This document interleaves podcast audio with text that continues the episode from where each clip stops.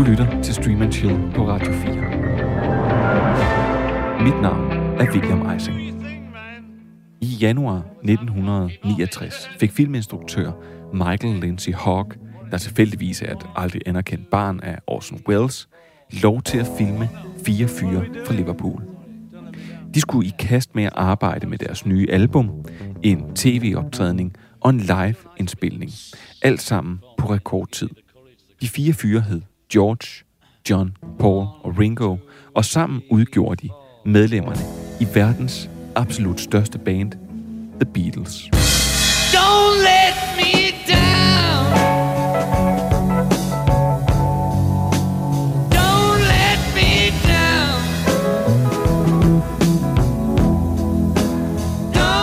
Hvis din Beatles-viden er lidt mangelfuld eller blot skal genopfriskes, så kan jeg fortælle dig, at de her optagelser var en slags de sidste dage i førerbunkeren med Beatles. Deres sidste liveoptræden kom i januar 1969, og de efterfølgende to albums, der blev udgivet, Abbey Road og Let It Be, bestod overordnet af indspillinger, der blev lavet i studiet, mens Michael Lindsay Hawks kamera rullede.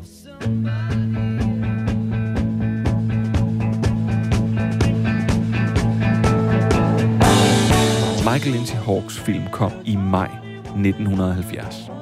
Det viste et band i komplet opløsning. De var skæve og fulde og sejlede hele tiden rundt. Der var voldsomme gnidninger mellem bandmedlemmerne. Paul McCartney var et decideret røvhul, og Yoko Ono hang over bandet og hæv John Lennon ind i en helt anden verden.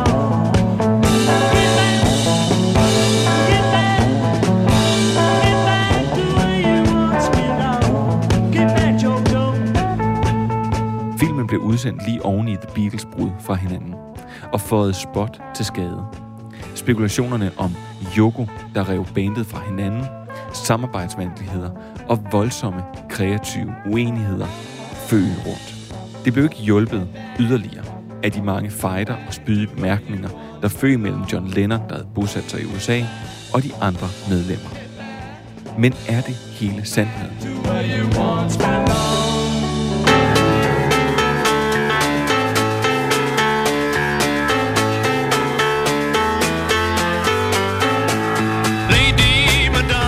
Hvis der var noget, de fire Liverpool-drenge kunne blive enige om, så var det, at Michael Lindsay Hawks dokumentar fordrejede sandheden og var et stykke frygteligt magtværk. Derfor så blev filmen også trukket tilbage, og i dag er den noget nær umuligt at opdrive. Peter Jackson, instruktøren, der har velsignet verden med en af dens bedste trilogier nogensinde, tilbød at fortælle den historie, der gik tabt i Michael Lindsay Hawks bearbejdelse af alt materialet how they run. Could it be, Paul? Something in the way she moves. It's time. Think of what attracted me at all. Just say whatever comes in your head each time attracts me like a cauliflower until you get the word. Yeah, but I've been through this og Paul McCartney og Ringo Starr indvildede. Det samme gjorde Yoko Ono på vegne af sin afdøde mand John Lennon, og Olivia Harrison på vegne af sin afdøde far George Harrison. Jackson fik dermed adgang til 60 timers hidtil uset filmmateriale og 150 timers lydoptagelse af The Beatles fra 1969.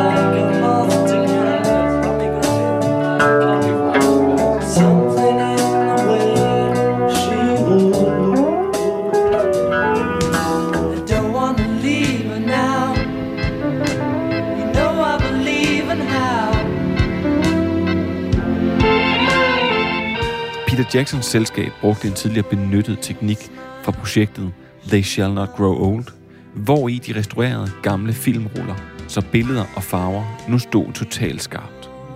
Og derefter brugte Peter Jackson godt fire år på at klippe dokumentaren The Beatles Get Back. Filmen skulle give et mere sandfærdigt indblik i den sidste tid i Beatles, og hvad der førte til deres endelige brud. You know I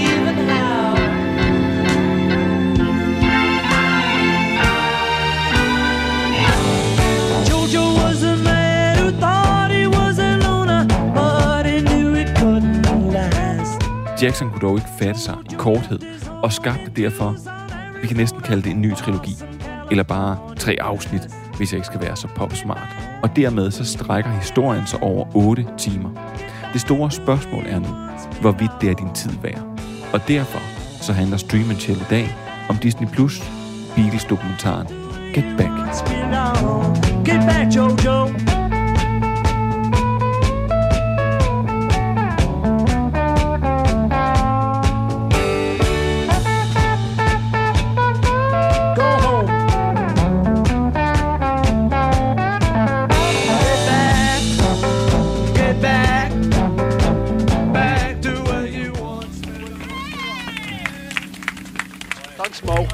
Say thank you on behalf of the group and ourselves, and I hope we pass the audition. Velkommen til Stream and Chill. I denne her uge har vi taget over 50 år tilbage i tiden for at finde ud af, hvad fanden der egentlig lige skete med The Beatles. Derudover så er vi landet i december måned, og det betyder, at jeg har fundet et hav af julefilm frem til dig, som du og de nærmeste bør sætte jer ned og se sammen. Og det er ikke julefilm med nisser og den slags, øh, men nærmere, lad os kalde det, sæsonbestemte film. Så er der lidt Halle Berry news. Ja, og så er der fint besøg i dag, for det er dig, dronningemoderen af kammerspil, manusforfatter Sofie Krogod. Velkommen til. Tak skal du have. Jeg glæder mig til at komme. Ja, og det er jo simpelthen bare dig og mig. Ja. Og du er, jeg ved, at du har glædet dig til at komme, fordi du har vundet. Jeg har vundet, Ja, du har vundet, fordi at... Øh, fordi vi skal snakke Beatles, og det er snakke- bomben. Jamen, vi skal snakke Beatles, det er bomben, og det er nemlig, at øh, Simon og Andreas øh, blandt andet var at prikke mig på skulderen og var sådan, du skal den der Beatles-dokumentar med, skal du ikke? Hvor jeg sådan, jo, selvfølgelig tager vi den med. det ville ikke skade, hvis det var en dag, hvor jeg var med i programmet. Men Men den, det- den er også fed, det kan jeg godt forstå, at jeg har haft det sådan. Øh, er, du, er, du egentlig en, øh, er du egentlig en stor Beatles-fan? Ja. Men det er fordi, du har gået i gymnasiet på et tidspunkt, ligesom jeg har. Ja, men altså, jeg tror også, mine forældre har også altid hørt det meget, og det er også deres yndlingsband. Sådan, så jeg har altid, altid hørt Beatles, tror jeg. Altså, jeg, jo, jeg jo kommer fra et gasolin hjem, Okay, så Ja. derfor så... Øh, du skulle selv finde dem. Ja, det skulle jeg faktisk, og Ja. jeg, jeg kan huske, at jeg fandt dem sådan lidt i gymnasiet, og øh, sådan omkring, jeg kan, ikke- jeg kan ikke huske, hvor gammel jeg har været, måske været en 10-12 år eller sådan noget, der kom den der number one ud med alle deres number one Jo, ja. singles, den Ja. der røde CD. Og, øh, og sådan fra deraf, så, øh, så sådan langsomt har jeg opdaget det, og hører stadigvæk nogle numre, hvor jeg sådan tænker, wow, at dem, der, dem, der har lavet det, fordi at jeg egentlig slet ikke har hørt det nok. Så jeg er ikke en die-hard-fan, Nej, okay. men Nej, men der er jo også, altså, der er jo mega forskellige måder at være Beatles-fan på, fordi der er jo også, altså, vores forældres generation, der, der hørte dem, da de kom frem, og sådan, de, sidder, de må jo også sidde og tænke, at jeg er en wannabe-fan, der bare sådan, ja, du har ikke kastet dine Ja. trusser op på Ringo, da han var i København. nej, præcis. Øh, jamen, Det prøv, havde jeg ikke mulighed for. jeg synes, det var måske sådan meget godt at deklarere lige, hvor Beatles-fan-agtige vi var, nu hvor vi går ind til det, jeg vil virkelig kalde et, en hardcore omgang Beatles. Ja. Jeg synes egentlig bare, vi skal kaste os ud i det, Sofie. Yes. Now we're going to take the Beatles, and I'll be quiet. Oh, you recording our conversation?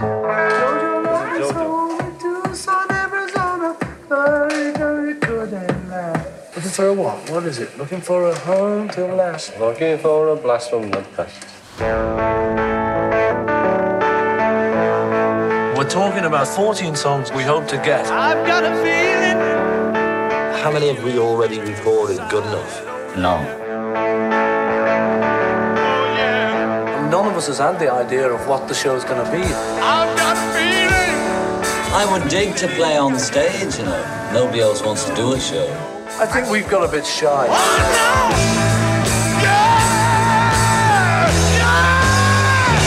what could it be, Paul? Something in the way she hmm? moves. What attracted me at all? Just say whatever comes in your head each time. Attracts me like a cauliflower until you get the word, you know. There is a show to be had, you know, once we get over the nervousness. Take 10. I think we should forget the whole idea of this show. The meeting was fine, but then you it all sort of fell apart in the end. So what's our next move? Get me split George's instruments. But It's going to be such a comical thing, like in 50 years' time. They broke up because Yoko sat on an M. Documentary just grinding to a halt. Grinding to a halt, I think it's taking off. Here we go.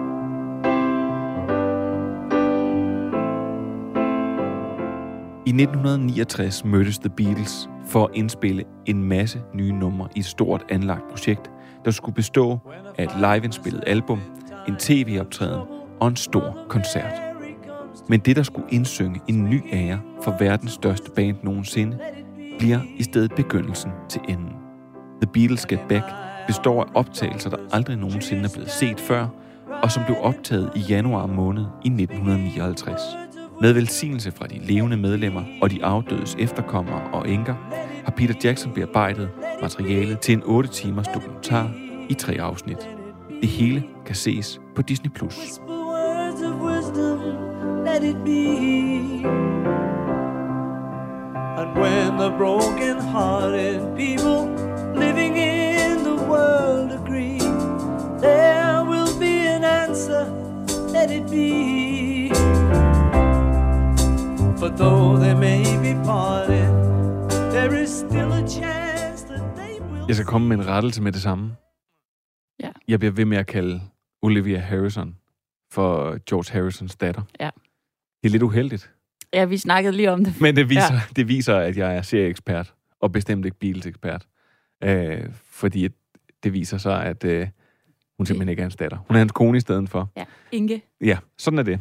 Det er, øh, det er sat på plads nu, og så synes jeg egentlig, jeg skal starte med at spørge dig. Skal man være die hard Beatles-fan for at sætte sig ned og se tre afsnit, som beløber sig til i alt otte timer?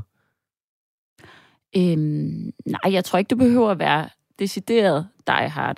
Altså, men du skal jo have en eller anden interesse i musik.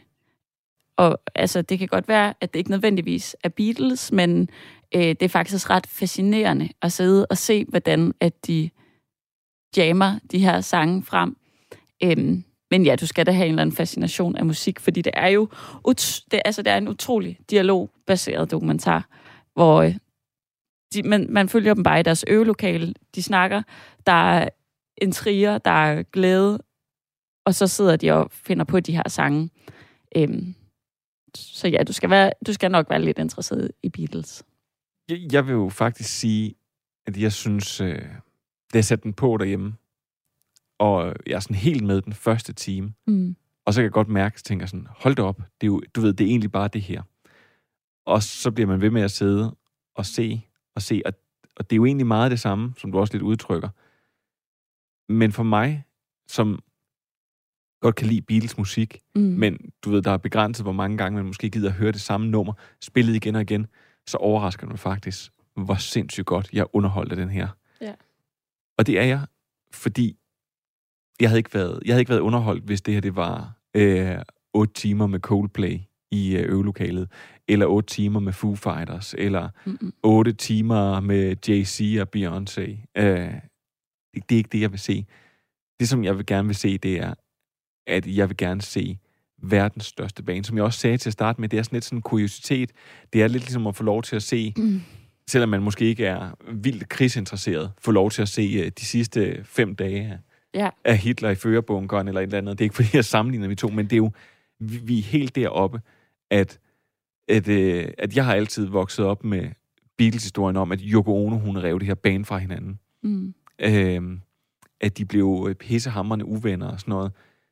Men det er jo virkeligheden er en helt anden, og selv når der sker dramatiske ting, så, øh, så, så, så, så, så, er det, så er det på en eller anden måde udramatisk, dramatisk. Mm, ja, meget.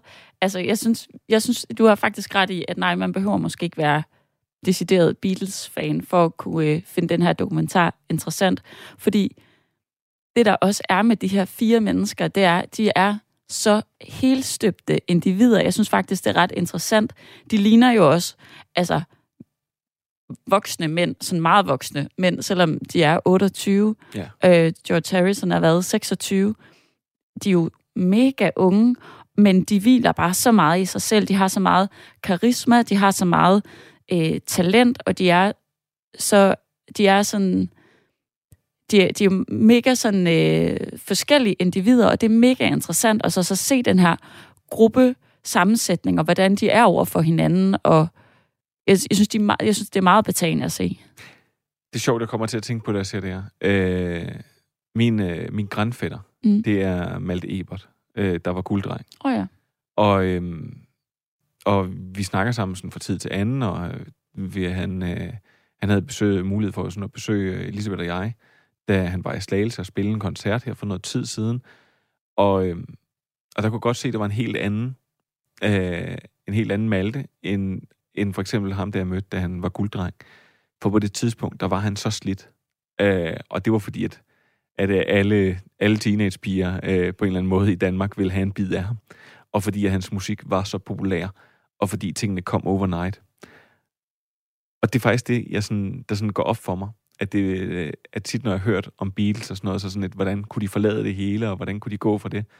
Det giver den her dokumentar egentlig et ret godt billede af, og det synes mm. jeg også, Mhm. det, som du siger, de er så helstøbte, at de sidder her, og altså 26 år gammel, de har prøvet alt.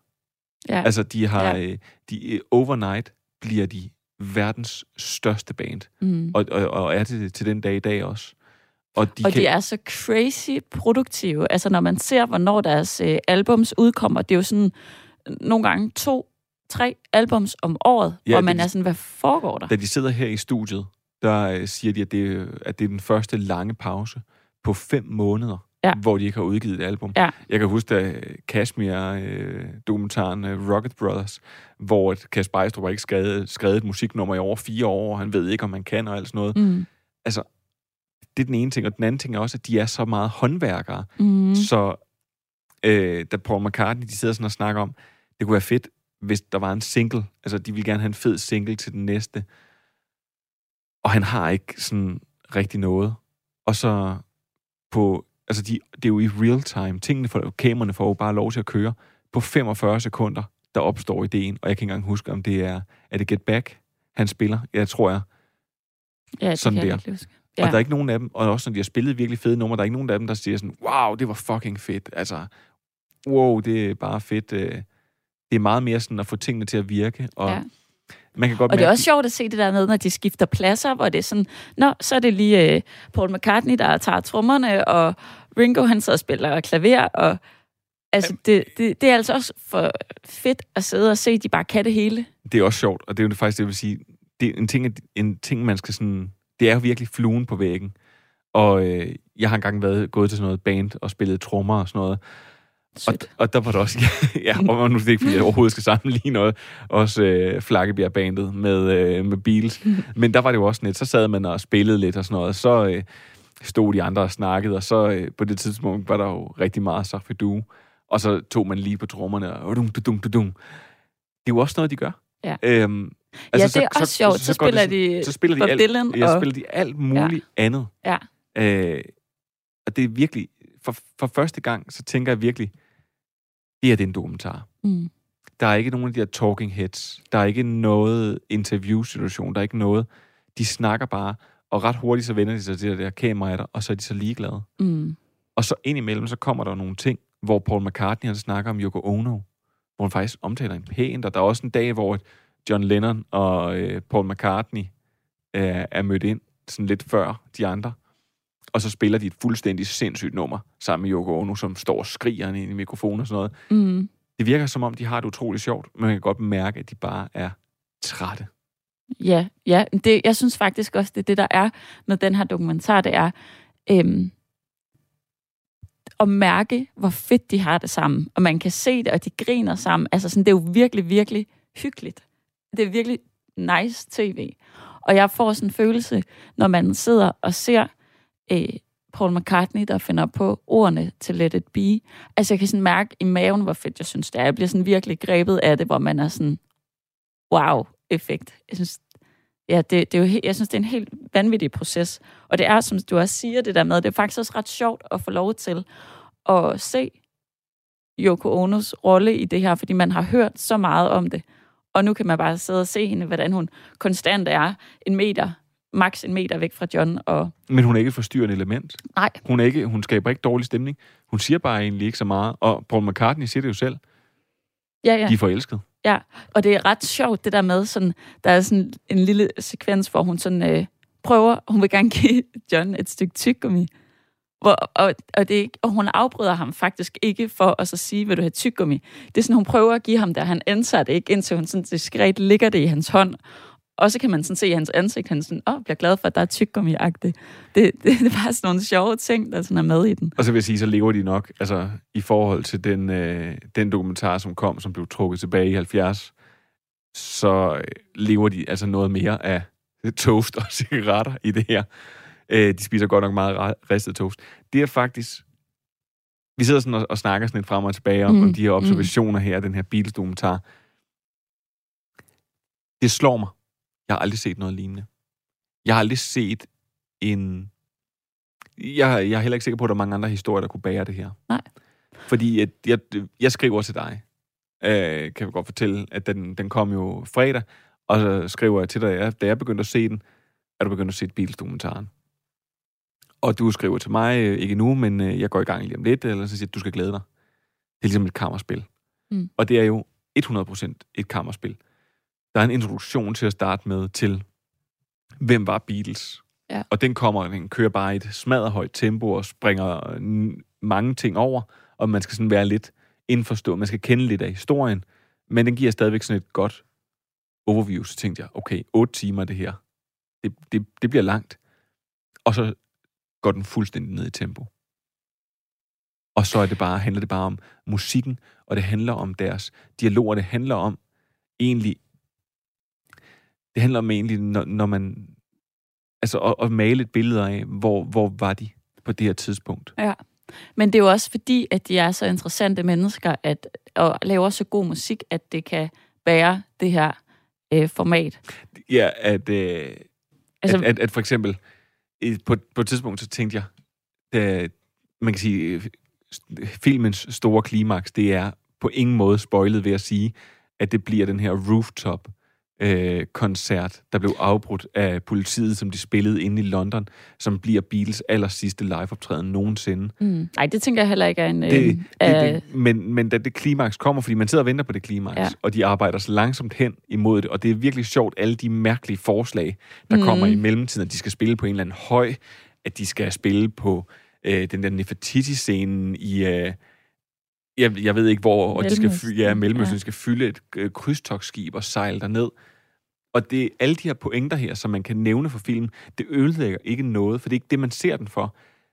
Man ser den egentlig for, at man jo for eksempel løbende, så Don't Let Me Down bliver spillet, altså jeg har ikke tal på det, Nej. 20 eller, 20 eller 25 gange i forskellige versioner, og hvor de spiller halvdelen, eller hvor de har spillet noget, og så, så bliver man lidt træt af at spille den.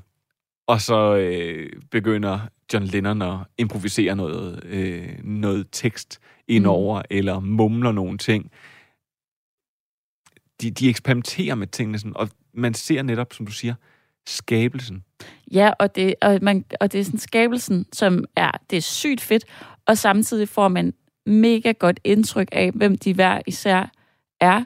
Altså også, øhm, ja, Yo- Yoko Ono er der, men Linda McCartney og deres, øh, Paul og Lindas datter kommer også, og det er mega hyggeligt også at sidde og se, Ja, det hvordan... er virkelig, det bliver sådan, så, da det, der kommer, så bliver sådan, tænker sådan, er sådan en julefamiliefilm, nu, men er sådan, Ja, det er pisse hyggeligt. Ja, og der var plads til, at, at hun må være der, og John Lennon, der sidder og joker med, fordi hun lige har fået en ny kat, om hun skal spise den. Og altså, der er, sådan, der er virkelig god stemning, og Det er faktisk sjovt, at nu siger du, at man kommer... Jeg føler virkelig, at jeg kommer til at lære dem rigtig, rigtig godt at kende. Ja. Øhm, på den måde, at jeg bliver helt utrolig overrasket over, at Paul McCartney på en eller anden måde, han virker meget som den...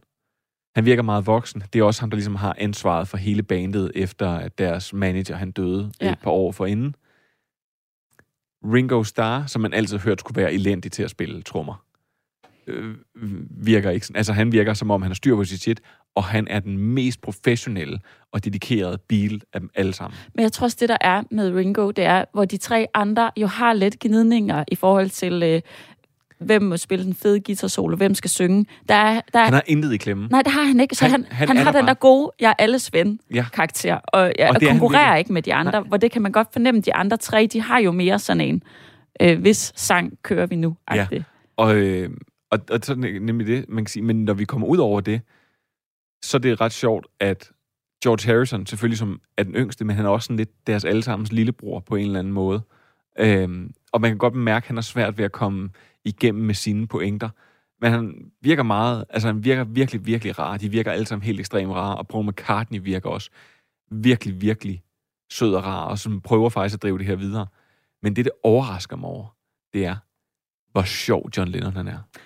Ja, altså jeg vil sige, jeg har jo set mange interviews ja. med dem, men jeg vidste godt, de alle sammen var sjove, men ja, han er mega grineren. Og, og, hvor, og hvor meget han, øh, hvordan han, hvordan han opfører sig, så sådan, altså, der er ingen selvhøjtidlighed. Nej. At han siger øh, på et tidspunkt, hvor at, øh, at de jo, øh, at, at de får nej til et eller andet, så slår han nærmest til bordet og siger, Don't they know who we are? We are the bottles. Ja, ja, ja. Og, øh, eller han hele tiden kigger ind i, øh, ind i øh, kameraet og siger, and now to your host, The Rolling Stones. ja, ja, ja. Han er mega sjov. Og det, jeg synes faktisk også, det er ret vildt det der med, at selvom det er øh, optagelser, der er 50 år gamle, at humoren, den bare er altså stadig en til en sjov i dag.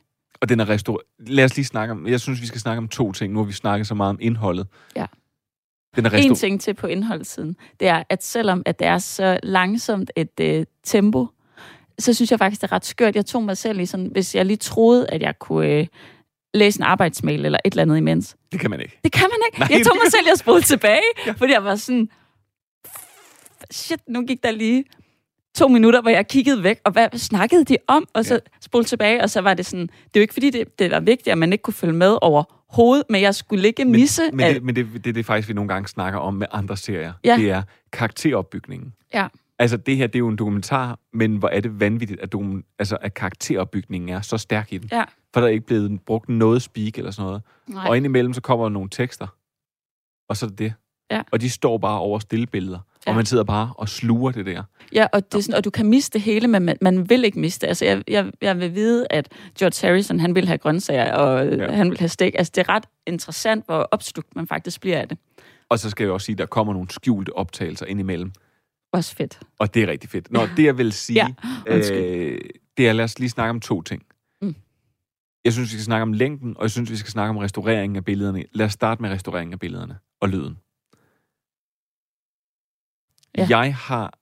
Jeg, det skal også lige siges. Den her, øh, der er nogle gange, hvor jeg bliver nødt til at se øh, serier på min mobiltelefon eller på min computer, for ligesom at nå at være med, fordi at, øh, så har man et barn på armen, eller man, der er lige et barn, som, oh, jeg har lige 20 minutter her, så ser man et eller andet. Øhm, den her, den har jeg siddet og set på vores rigtig gode fjernsyn, med øh, rigtig god lyd på. Mm. Og jeg kan jo selvfølgelig godt se de gamle billeder, men nøj, hvor er det smukke billeder. Mm. De er restaureret så flot, Ja. og farverne er ekstremt flotte. Mm. I forhold til, det jo ikke er, det er jo ikke setdresset. Det er jo ikke gjort pænt eller noget. Men det er virkelig flot. Men det er også, man kan sige, hele kulissen, det her med at være i et studie, og det er det der totalt 60'er og 70'er look. Altså det er, også, det er jo pæne ting, der bliver filmet. De har sygt sejt tøj på, og så jeg synes jeg faktisk bare, at, øhm, at det giver en fed vibe, det der med, at, at, øh, ja, at det er de her lidt mere forvirrende øh, kamerabevægelser, der bliver klippet sådan lidt frem og tilbage, og lyden er også nogle gange off, og det Ja. skriver de også selv i starten, sådan, fordi at Det... Det- Ja, der, der, man skal virkelig vente sig til, der, er- at der er mange undertekster, fordi der er nogle gange, hvor de virkelig mumler. Jamen, en ting er, at de mumler, men man kan også se sådan, at øh, så snakker George Harrison, men det, men, og de filmer ham, men det er ikke lige der, han bevæger læberne, eller sådan. Den er også sådan ja. sammensat lidt, men, men det holder. Det gør det virkelig. Ja. Længden, Sofie. Altså, jeg synes jo, det var dejligt, at den var lang, fordi at jeg vil gerne have det hele med, og også, som jeg siger til dig, øh, med at jeg, jeg tager mig selv lige og så spole tilbage, fordi jeg faktisk gerne vil have alle de små nuancer med. Jeg kan godt se, at hvis man ikke er nær så musikinteresseret, eller nær så Beatles-interesseret, så er otte timer der langt. Og der Jeg er kommer, jeg kommer der i, på et tidspunkt i afsnit 2. Der føler man måske, at den bliver lidt lang i spyttet på en eller anden måde. men det er sådan en, det er en, det er en periode. Altså, jeg skulle sige, det er sådan en Ja. kort periode af den, hvor jeg egentlig følte, den blev lidt lang. Jeg synes, jeg synes, det hele er det værd. Ja. I forhold til, at man ender i et virkelig, virkelig velskrevet, virkelig smukt klimaks, hvor man hvor man, man bliver også lidt ked af det på en eller anden måde, fordi man ser det, og så tænker man, de nyder virkelig at spille sammen. Men, men man kan godt se, altså, hvis de, jeg, jeg tror, jeg skulle sige, havde de, havde, havde de været ude af det selv, og så set det her, så, så kunne de godt se, at, at det havde været slut nu. Mm. Altså, man kan godt mærke, at så meget er der ikke mere i dem. Men det er et virkelig, virkelig fedt. Det er et helt absurd fedt punktum, også fordi at det ikke er sådan, at de, øh, de går ikke af scenen for sådan en kæmpe stor jubel og skrig og skål, men det er sådan de nærmeste, der er rundt om dem. Ja, det er mega smukt. Ja, det er virkelig smukt. Ja. Altså, det er et rigtig, rigtig godt... Det er et rigtig godt punktum for den. Ja. Og det er faktisk det, der overrasker mig, at en dokumentarfilm på 8 timer, hvor jeg vidste det meste, hvad der skulle ske. Ja, man godt ved, når man sætter den på, hvad det er, den ender med. Ja. For. Ja. Det er... Øh, det, det, det, det overrasker mig, at jeg var så godt underholdt. Ja. Har vi flere kommentarer, før vi skal snakke om, øh, mm. hvem der skal se den her? Mm, altså, jeg synes, der er rigtig, rigtig, rigtig mange ting, man kan snakke om med den her. Altså også det der med, jeg synes, man kan fornemme i den her dokumentar faktisk, øh, man begynder at kunne faktisk se, hvor hver deres karriere stikker hen.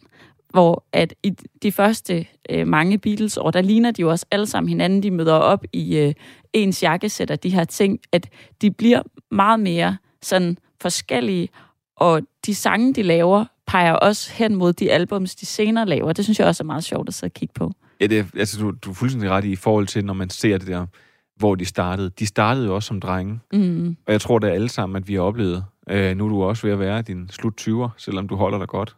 Du tak. ligner ikke en, der er så meget udenfor. Det er, jeg tror, det, det, det er ikke alt den sol, den, den sol der, den holder du dig fra. Det gør du ikke ellers så hurtigt. Nej, Det, den tager jeg med mig. Det, Øh, det vil jeg gerne høre. men at, at det, der sker op igennem ens 20'er, det er jo også nogle gange, man, nogle af ens gymnasievenner, eller ens folkeskolevenner, eller nogle barndomsvenner, der måske ryger fra i svinget, hvor man tænker, mm. vi vokser langsomt for hinanden. Og det tror jeg egentlig, det man indser lidt, der sker. Mm. Det er jo, at de har været øh, 14, 15 og 16, da de mødtes. Mm. Og nu er de bare ikke... øh, Altså, Nej, nu, de er jo voksne mænd, der har børn og Ja. ja. koner alle sammen. Altså, det er, jo, det er jo klart, at det er, bliver noget andet. Sofie, lad det være det. Ja. Lad os øh, bevæge os videre til, hvem der skal se Beatles-dokumentaren.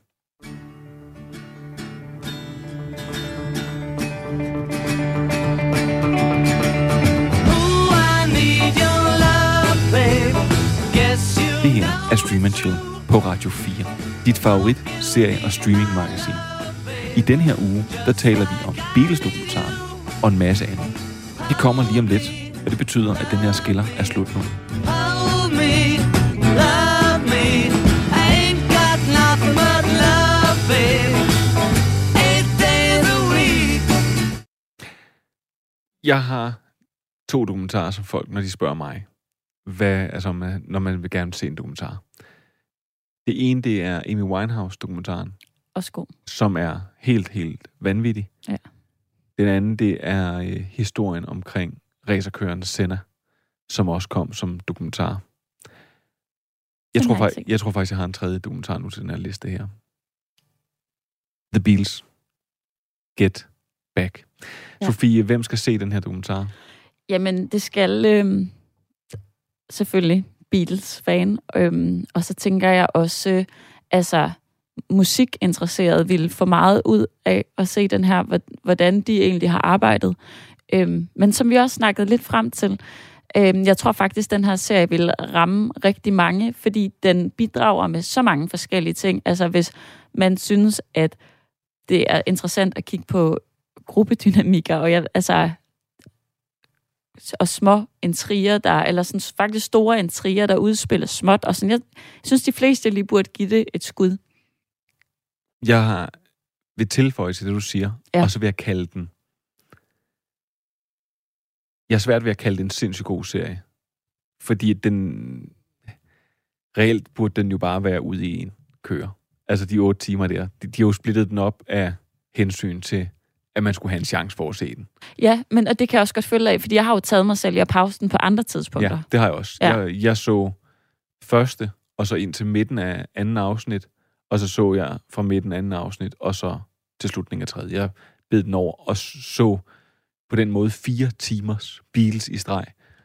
Og da den sluttede, var jeg faktisk ikke helt med endnu. Nej. Det overraskede mig. Ja. Øhm,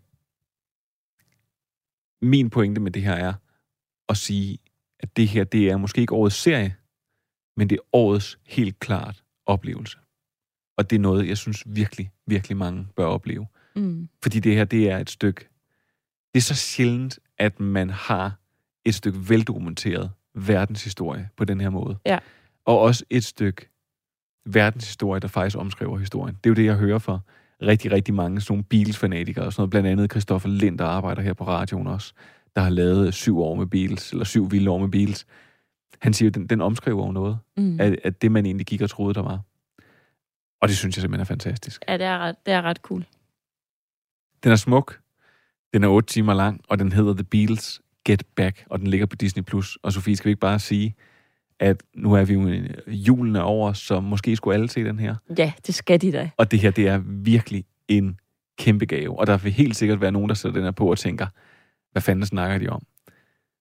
Men så, det er dem, der tager fejl. Ja, det er dem, der tager fejl. Ja. Lad det være ordene. Nu er der nyheder. Yes. I see. Good news, everyone! Jeg hader det her navn, jeg skal til at udtale nu. David Dasmalkian. Det er ham, som du har set uh, senest i Dune, og som også spiller Polka Dot Man i Suicide Squad. Ved du, hvem jeg taler om? Det tror jeg, jeg, jeg, jeg tjekker lige. Du, du googler. Nå, ja. Han er blevet bekræftet som en del af Matt Roskins opkommende filmprojekt, der hedder Boston Strangler. Og her kommer han indtil videre til at headline sammen med Keira Knightley. Det synes jeg bare lige var en lidt fed historie have med, fordi ham her, øh, David Datsmalkian, Datsmalkian hold kæft, for jeg udtaler det forkert, sikkert, han er jo virkelig gået hen og blevet en A-liste efter det her år, han har haft. Han er så også 46. Nå, det var ikke så streaming-relateret. Det er det her til gengæld. Halle Berry, hun har sat sin autograf på en multifilm Netflix-aftale. I 2020 der udkom Bruised på Netflix. En historie om en MMA-fighter i Bad Standing. Filmen den havde Halle Berry som skuespiller og instruktør. Det var hendes instruktørdebut. Okay. Og mens jeg synes, at den her film her, den var helt og aldeles virkelig frygtelig, så synes Netflix, at den var rigtig god, og de brugte øh, Halle Berry som et trækplaster, og derfor så er der 50 millioner mennesker, der har set den her film. Det tvivler jeg stærkt på, efter at have set den. set halvdelen af den. Nå, øhm, men Netflix, de vil nu have Halle Berry som fast inventar, og derfor så har de simpelthen skrevet under på den her kontrakt, som indebærer, at hun både skal spille med i film og instruere dem. Og der er ikke sat antal på endnu, men det skulle altså være noget mere end bare tre. Hold da op. Ja. Øh, Ej, det, det er et skørt fast arbejde at have. Jamen, jeg er skuespiller og instruktør for Netflix, og så bare køre. ja, en Det er gang, ret vildt. ja, så samtidig også kunne skrive Catwoman på sit uh, CV. Ja. Øh, John Cho, skuespilleren, der spiller Spike Spiegel i Netflix fuldstændig frygtelige, grænsende til en forbrydelse mod menneskeheden dårlig udgave af Cowboy Bebop. Han har været ude at sige, at han håber på meget mere Cowboy Bebop. Og hvis der kommer en sæson 2, så må den godt være mørkere og endnu mere mærkeligere, end den første den var. Til det så har jeg så lige en lille kommentar. Øh, lad os sige, det er en slags dementi, for jeg sad jo her i programmet og sagde, at der manglede karakteren Ed i den nye Cowboy Bebop-serie. Men at de nok ikke havde taget hende med, fordi hun er så mærkelig, og det ville blive rigtig, rigtig mærkeligt, hvis man skulle filmatisere hende. Det ville blive totalt overkarikeret. Men så skriver Manfred, der simpelthen vælger at selvpine sig selv og se den her serie færdig, der skriver han, du havde ret, det ville blive overkarikeret, fordi at Ed, hun optræder simpelthen i den sidste scene af serien, og den er så dårlig, at jeg næsten er ved at brække mig. Øh, man kan prøve at høre her, det er ikke helt, fordi at man skal også se hendes virkelig, virkelig ringe fysiske skuespil. Men det her, det er sådan de sidste 24 sekunder af Cowboy Bebop er.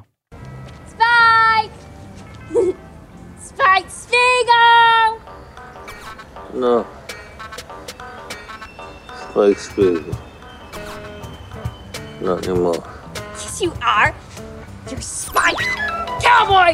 Bounty hunter for hire! Wake up! I have a job for you! A bounty!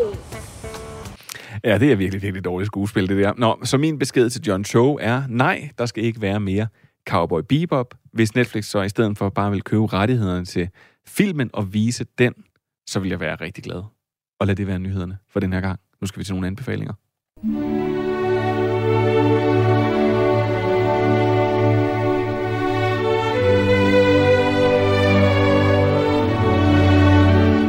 Du lytter til hele Danmarks Radio. Radio 4.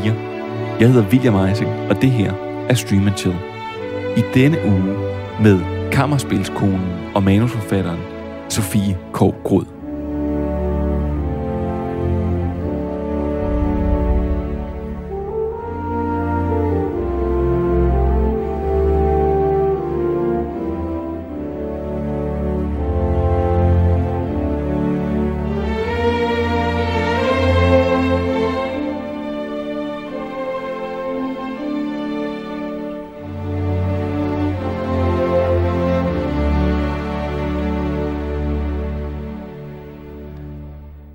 Næsten lige så godt være et julesoundtrack, vi sad og hørte der. Ja, det kunne det.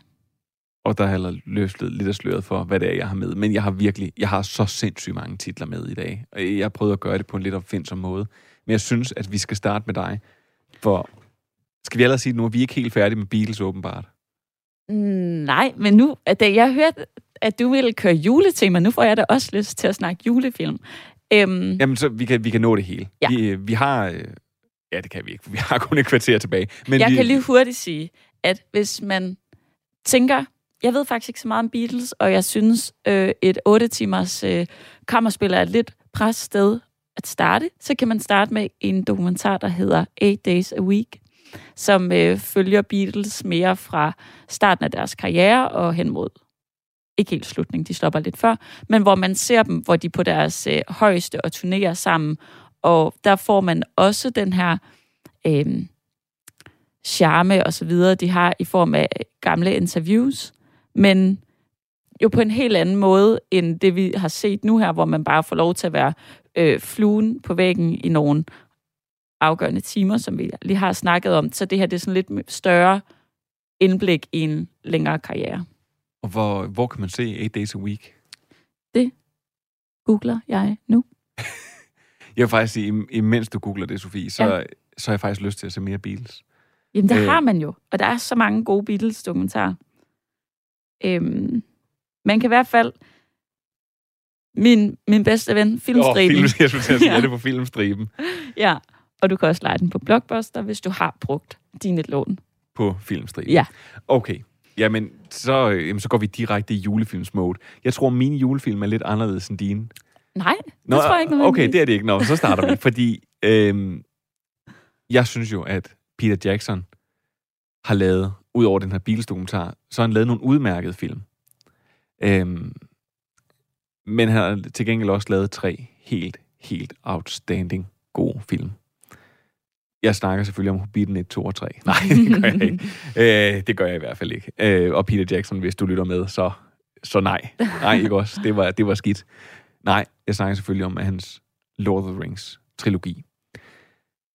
Hvis du ikke har set den, det har du helt sikkert. Men jeg vil jo øh, jeg vil virkelig foreslå, for det er jo sådan noget, jeg, det er jo dem, jeg finder frem nu. Jeg kan bare mærke, at øh, jeg kom simpelthen i julestemning, da jeg, øh, da jeg lige sad og så, at, øh, at det var faktisk på tide, at øh, vi fik sådan, jeg fik sådan en billede reminder om, at Elisabeth og jeg for et år siden havde set og set Lord of the Rings trilogien. Yeah. Og jeg ser den, jo- vi ser den i extended cut, for jeg synes, den er væsentligt bedre. Men lige meget hvad, så ligger trilogien, den ligger på HBO Max. Og jeg synes, der er så meget at sige omkring den her. Øh, der er så mange sjove skuespilsvalg. Det er sådan et... Nogle gange, når det bliver sådan nogle store værker her, så sådan noget ligesom Citizen Kane og Apocalypse Now og sådan noget, så kommer der så meget lore, så mange sindssyge historier omkring de her øh, film. Og en af historierne omkring Lord of the Rings er jo, at Sean Connery, han åbnede bogen øh, og læste et par sider, og han gik ind og googlede lidt om det, eller fik sådan searchet, fik sådan en eller anden bio-ting omkring Lord of the Rings, og så var han sådan, at det kan jeg slet ikke se mig i. Og så valgte han at spille Alan Quartermain, i stedet for et hemmelighedsfuldt selskab, i stedet for at være Gandalf. Det er den ene ting. den anden ting er jo, at Nicolas Cage vist efter sine sagde nej til rollen som Aragorn. Øh, og det var vist ja. noget med produktionspresset, altså at de jo faktisk var afsted i 14 måneder. Der var nogen, der nåede at have fødselsdag to gange, mens de var i New Zealand på sættet. Jeg, jeg synes, det er øh, nogle, nogle, af, nogle af de her ting, og jeg sidder og set nogle dokumentarer, sådan noget bag, bag om Lord of the Rings. Man bliver simpelthen, øh, jeg, jeg bliver så glad, når jeg ser sådan et projekt, og hvor omfattende det har været. Mm. Hvor mange år det har været i pre-production, øh, hvor de har siddet, kvinder, der har siddet og bygget rustninger, Mm. og lavet svær, og lavet pile, og... Øh, At man fatter jo ikke, hvor stor sådan en produktion Nej. er. Og det faktisk det vilde er jo, at den ikke har været i anførselstegn særlig dyr. Men det er jo fordi, at der er ikke rigtig nogen af skuespillerne. Jo, jo, de fik en backend. Altså, da den, øh, da den kom ud, mm. så fik de nogle procenter. Men, øh, øh, hvad hedder det, Orlando Bloom fik 225.000, tror jeg, australske dollars. Vi snakker om, altså det er lige omkring en million kroner Mm. han har fået for 14 måneders arbejde. Ja. Ja. Det er altså... Øh, det, det, er ikke sådan, det er ikke voldsomt på den måde, Nej, nej. altså, sådan skuespillerlønninger. Nej, nej. Og det er, øh, og det er for tre film. Ja. For tre, altså. Wow. Det, var, ja, det var lønnen for, for alle tre. Øh, ja, det er ret vildt. men, men Det har jo tjent sig ind i sidste ende, det hvis har han har fået procenter. det skal jeg lige love for. Ja. Og, og jeg må også bare sige, at den her film står jo tilbage som et altså et af nullernes absolut mesterværker. Det er sådan en, øh, ligesom en anden film, jeg lige om lidt øh, kommer til at øh, anbefale også. Sådan en, der, der altid vil kunne blive pillet frem. Og den er jo øh, i, de, i, de sådan, i de udgaver, der ligger nu, altså så kan man jo ikke se, at det er en film, der er faktisk 20 år gammel nu. Men det er sjovt, det der med, fordi du er jo tydeligvis ikke den eneste, der tænker, at det her det er en julefilm. Altså det tænker øh, de forskellige tv-kanaler også. Det er jo også noget, der bliver sendt i juledagene på de forskellige kanaler. Det er, ret, altså det er sjovt, hvad det lige er, der gør. Det er jo bare så meget familiefilm, at det er sådan, Ja, det, det skal vi se til jul. Men det er også, fordi jeg er gået i biografen om ju- julen og set den. Ja, ja, det er rigtigt. Det var der, de udkom. Hvad har du... Jamen prøv så at sige, Lord of the Rings, den ligger, trilogien ligger på HBO Max, og ellers så kan man altså købe The Extended Cut. Den ved jeg, den ligger inde på i iTunes Movies, blandt andet. Jamen, en øh, julefilm, som jeg synes er mega hyggelig at se, er Alene Hjemme. Det er da også en rigtig julefilm. Det er en rigtig Det er julefilm. en rigtig julefilm. Ja, ja. Hvor de faktisk også fejrer jul. De, øh, ja, den, den, øh, den bør man se hvert år. Det bliver ikke rigtig jul uden, eller nej, nej, det synes jeg ikke. Også, altså min far, han knus elsker bare de film, og det er, det, jeg synes bare, en af mine yndlingsting, det er sådan at se, se film med min far, som han elsker, fordi det der med at se med nogen, der bare griner højligt, at ting, der også er lidt platte, det er ret hyggeligt. Det kan jeg godt lide. Ja. Det var jo, øh, de ligger jo alle sammen på øh, Disney. Ja. Ja. Og øh, det sjove ved Alene Hjemme, det er jo, at jeg tror, det er toeren, hvor de er i New York, Mm. og hvor et kanadisk tv, øh, da de viste den, så er de demonstrativt klippet scenen med Donald Trump ud. Alright. Det, ja. det var, da han var præsident, og alle hans mærkelige byggen mur ting og sådan noget, så han simpelthen klippet den ud. Det er så sjovt. Det er endnu sjovere, at når man ser alene hjemme, og man så øh, ser Succession også, Mm. og ser Macaulay Culkins øh, lillebror. Jeg tror også, han er kort med i etteren, faktisk. Er det ikke noget med, det er ham, der er den der lille dreng, de Jo, tager jo, jo, med i stedet jo. for? Ja. Det er øh, a piece of uh, movie magic. Så du ja. ser simpelthen alene hjemme. Ja. Det er også det er faktisk lang tid Et og den. to. Et og to. Ja, man skal ikke se, man skal ikke se videre. Nej, nej, nej. Nej, nej, nej, nej. Så, så går det helt galt. Ja. Ja, det er en... Øh, det, det er virkelig god Den film. skal du se i år. Jamen, det er julefilm. Ja, det, Ja. det skal jeg også. Og jeg prøver, der er også mange af de her film, jeg glæder mig til at, at se og genopleve med min datter. Ja. Okay. Mere, mere julefilm. Øh, jeg har to sådan ret lange ting her med. Øh, så jeg tror, jeg starter med den ene. Det er Star Wars. Man skal se, og det er ikke... Jeg, jeg har faktisk valgt at gøre det, at øhm, jeg tænkte, der er så mange, der har set Star Wars, der er så mange, der har set så meget Star Wars. Mm. Så hvad om man oplevede Star Wars på en helt ny måde? Og derfor så har jeg øh, været... Der er jo forskellige sådan se-måder at se Star Wars på. Ja, klart. Øh, der var en, der hed Machete Order før i tiden, som skar en af episoderne væk, og så skulle man sådan se, se dem sådan lidt på kryds og på tværs af hinanden. Nu har jeg fundet en, som blander øh, de to originale Disney-serier ind, så jeg tænker faktisk, det man kunne gøre, det var, at man startede sådan her lige om lidt, med at se, og så så man en titel eller to hister her, og så kunne man muligvis være klar til, at The Book of Boba Fett, den kommer. Den kommer jo her i slutningen af 21. Den kommer den 30. december, tror jeg, eller sådan noget. Og så kunne man ligesom følge listen her. Det vil være sådan en god ting. Du skal lave en liste, der sådan gør det til en julekalender. Jamen, så det- skal du se den, den første. Det her skal du se. Ja, det burde vi faktisk have gjort. Det er faktisk... Det, er virkelig, Det kan du nå skidt. endnu. Det er virkelig skidt, at vi sidder her, øh, vi optager den, kan vi godt sige, den 1. december, mm. og i- i morgen den 2. december, der sender vi. Sofie, hvor var den her gode idé den 30. november? Det ved jeg ikke. Nej, men prøv at høre. Men, Det kan nås endnu. Ja, det kan det. Øh, man skal se Star Wars i den spoilerfri udgave. Altså, hvor filmene ikke spoiler hinanden. Mm. Og det betyder, at man starter med episode 4, A New Hope fra 1977. Når man har set den, så ser man Rogue One fra 2016. Derefter, så ser man The Empire Strikes Back fra 1980. Så ser man episode 1, The Phantom Menace fra 1999. Man ser episode 2, Attack of the Clones fra 2002. Så ser man episode 3, Revenge of the Sith fra 2005. Så ser man Solo, som handler om Han Solos opvækst. Og så ser man episode 6, Return of the Jedi. Derefter der ser man The Mandalorian, som øh, kom fra i 2019. Og så er det der, hvor man ligesom skal ramme omkring slutningen af december, fordi så skal man se The Book of Boba Fett, der kommer på Disney+. Plus. Og så skal man se episode 7, 8 og 9 derefter. Og så er man altså i mål, og så burde julen uh. også være, være, være forbi. Ja, så er man tilbage på arbejde. Er det, så er tilbage. Er det ikke øh, er det, er det en julefilm for dig? Det er en rumfilm. Nej, nej. Altså, jeg har da set Star, nogle af Star Wars-filmene, og jeg har også været med min kæreste i biografen, når der kommer nye i juledagene, så kan man da lige, så kan jeg godt gå med og sådan nogle ting, men øhm, ej, det siger mig sgu ikke så meget. Der kører vi julekalenderen igen i år, Matador. 24 afsnit, 24 dage. Så I skal, du skal faktisk hjem og se det første afsnit? Jeg har faktisk, vi 20 startet for Jens Peter, min kæreste er hjemme i aften. Okay. Så jeg har set det første afsnit. Det er altså, det er sjovt. Matador som julekalender, det, kan, 24 afsnit, den lægger jo op til det. Og det, de, det gør den ja, faktisk. ja, det gør den jo. Det er som skabt. Det har Balling tænkt på, dengang han lavede den. Det tror jeg. Øhm, har, du, øh, har du flere titler? Ja, det har jeg faktisk. Jamen, så kom med dem. Øhm, der er på Netflix ligger der en animationsfilm, der hedder Claus. Og den har jeg set. Og den er sød. Og den er... Den tog røven på mig. Ja, den er nemlig rigtig god.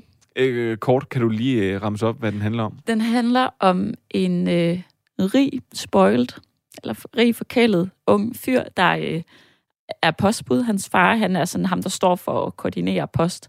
Øhm, og, øhm, og faren, han vil gerne have, at hans søn får noget øh, ryggrad og noget arbejdsmoral, så han sender ham til en ø langt væk, hvor han skal uddele post. Øhm, og på, jeg mener, det er en ø, eller også er det Ja, det er et meget sted langt væk. væk. Øh, og her i det her område, der er der sådan to klaner, der sådan kæmper mod hinanden. Øhm, og de sender jo ikke post til nogen, fordi det er sådan et lille lukket samfund. Så han, men han opdager så en gammel mand, der laver legetøj, sådan trælegetøj ude i skoven. Og så får han ligesom øhm, startet sådan en ting med, at børnene skal skrive noget, de ønsker sig, og så kan den gamle mand lave det her legetøj til dem.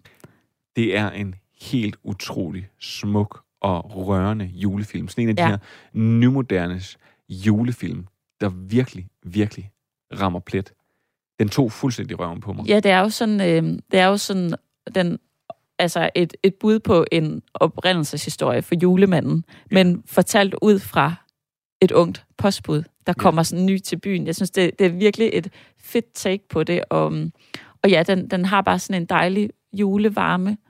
Jeg har set den de sidste to jule, og jeg skal også se den igen i år. At den var virkelig, den er virkelig, virkelig, virkelig god. Ja. Og man skal se den med den originale engelske Ja, dobbeltversion. ja. Det er... Øh, øh, den, er- ved du hvad, den er virkelig, virkelig glad for, at du lige nåede at få med. Øh, Ja. Fordi det er, vi er faktisk ved at være til vejs ende. Så jeg vil sige, at man skal gå, øh, hvis man skal i god julestemning, så skal man gå på HBO Max og se Lord of the Rings. Man skal gå på Disney Plus og se Alene Hjemme. Ja. Så når man alligevel er på Disney Plus, så kan man lige se alt i Star Wars. Man kan lige øh, spole tilbage i podcasten og høre, øh, hvilken rækkefølge man skulle se det i. Og så skal man gå på Netflix og se Claus. Sofie? Ja. Det var vel sådan set det. Vi når, sikkert, vi når ikke at se hinanden, øh, inden det bliver jul og nytår. Nej, så vi ses i 22. Det gør vi. Og øh, virkelig, virkelig meget alt for tidligt. Men du må have en rigtig, rigtig god jul. Tak, i lige måde. Og tak, fordi du vil være med. Og nu tror jeg, vi skal give de sidste ord til Jean-Luc Picard. You know, back when I was in the academy, we would follow every toast with a song.